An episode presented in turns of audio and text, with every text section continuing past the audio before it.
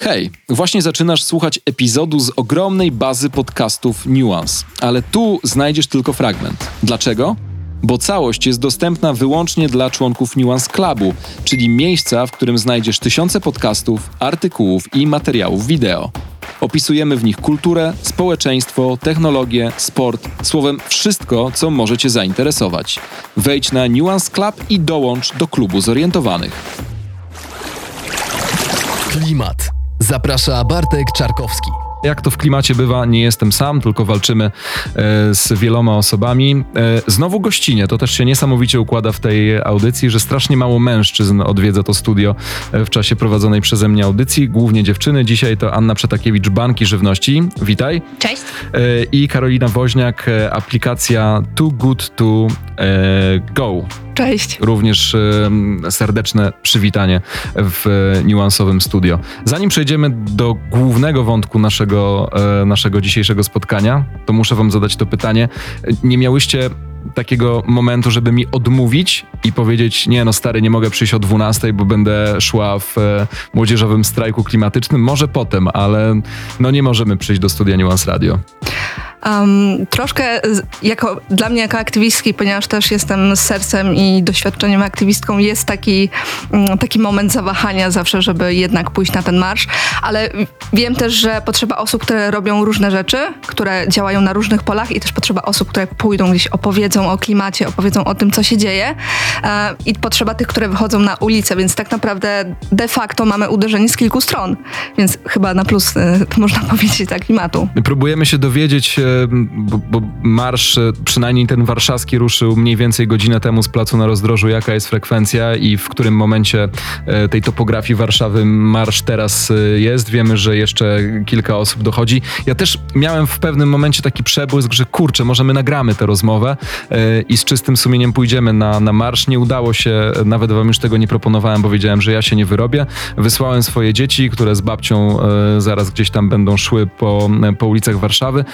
Słuchacze, możecie założyć słuchawki, ruszyć z aplikacjami Nuance Radio na warszawskie ulice, ale też w wielu innych, bo to ponad 30 miast e, w Polsce, więc jeśli nas słuchacie teraz, to spokojnie możecie do takich marszy dołączyć. E, Marsz e, dla klimatu, młodzieżowy strajk klimatyczny dzisiaj 25 września po raz drugi idzie w imię klimatu i w imię swojej własnej przyszłości, bo jeśli te dzieciaki nie wezmą spraw w swoje ręce, mm, to przypuszczam niewiele się zmieni. Wczoraj w bolesnym poranku Łucja i Bartek z tego warszawskiego młodzieżowego strajku klimatycznego trochę narzekali, ale oni mają naprawdę prawo narzekać, e, widząc jak bardzo media jak bardzo dorośli i jak bardzo politycy się nie przejmują.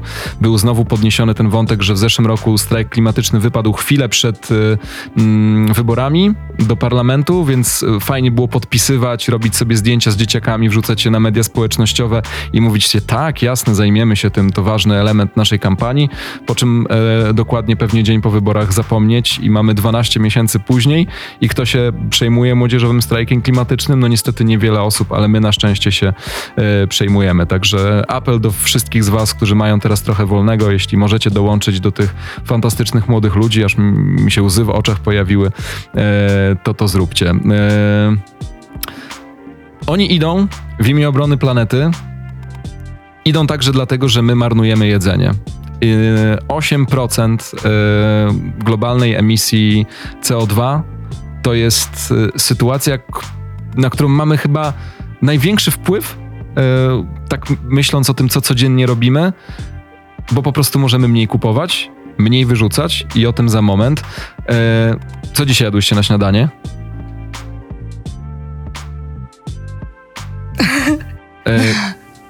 U mnie podobnie, tylko nie było pomidorka, tylko papryka, ale też kanapka A. z humusem. Transakcje. Patrzyłyście na datę przydatności tego humusu, czy to był taki domowy własnej, własnego wyrobu? Niestety ten był kupny, ale na tyle niedawno, że, e, że, że był świeżutki. E, Natomiast no, mamy problem w ogóle w Polsce Poczekaj, z... poczekaj, ja No. wiem, że mam problem. Jeszcze z tym, z tym jedzeniem, bo ja powiem. Ja sobie No, no zrobiłem, właśnie, ja sobie, ja sobie zrobiłem grzankę z e, e, połówki bułki, której nie wykorzystały moje dzieci wczoraj. E, ser żółty i pomidor, który e, wczoraj był skrojony do e, warzywnego hamburgera, który robił sobie mój syn i którego nie zużył w całości. Czyli właściwie przerobiłem w sposób idealny to, co, e, co było jeszcze w miarę świeże, dostępne u mnie w domu, nie musiałem niczego dokupić. Wykorzystałem, zjadłem, nie zmarnowałem. I tak żyję mniej więcej pewnie od dwóch lat. Jasne, że nie jestem bez winy. I to też muszę e, wam, wam zadać pytanie. E, Aplikacja Banki Żywności, odpowiadacie za te, e, za te miejsca w, w, w sieci. Marnujecie czasem jedzenie i zdarza wam się zjeść śniadanie z czegoś świeżego, a potem zobaczyć, że coś się jednak popsuło i ląduje w koszu? Tak Nikt, super, super szczerze. nikt nie jest bez winy. Naprawdę nie wstydźmy się przyznać, że robimy źle, ale nie bójmy się też podejmować zmiany i robić dobrze. Nieraz mi się zdarza zapomnieć o pomidorze. Niestety to jest, to jest taki mój, moja pięta achillesowa, zapomniany pomidor, który ginie mi gdzieś w lodówce i, i potem go odnajduję. W ogóle go tam nie powinnaś trzymać. Wiem, w ogóle go nie powinnam Pomidor trzymać. plus Pomidor lodówka to jest, lodówką, tak, tak, to tak, jest tak. zła, e, e, zła koncepcja. Dokładnie tak, a niestety u mnie czasami pomidor ląduje w tej lodówce Mhm. i niestety czasami zdarzy mu się dojrzeć i prawie, że wyjść z tej lodówki samemu. Um, marnujemy wszyscy. Bez wyjątku, jakby myślę, że jest bardzo mało osób, które są tak super zero waste, że potrafią naprawdę zapanować nad całym swoim życiem e, w takim duchu zero waste.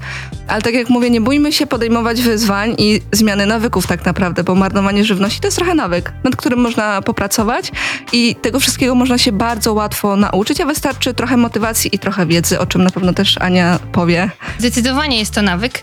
E, I ja a propos tego wykorzystywania tych resztek i tak dalej, to chciałam powiedzieć jedną rzecz, która wydaje mi się bardzo istotna.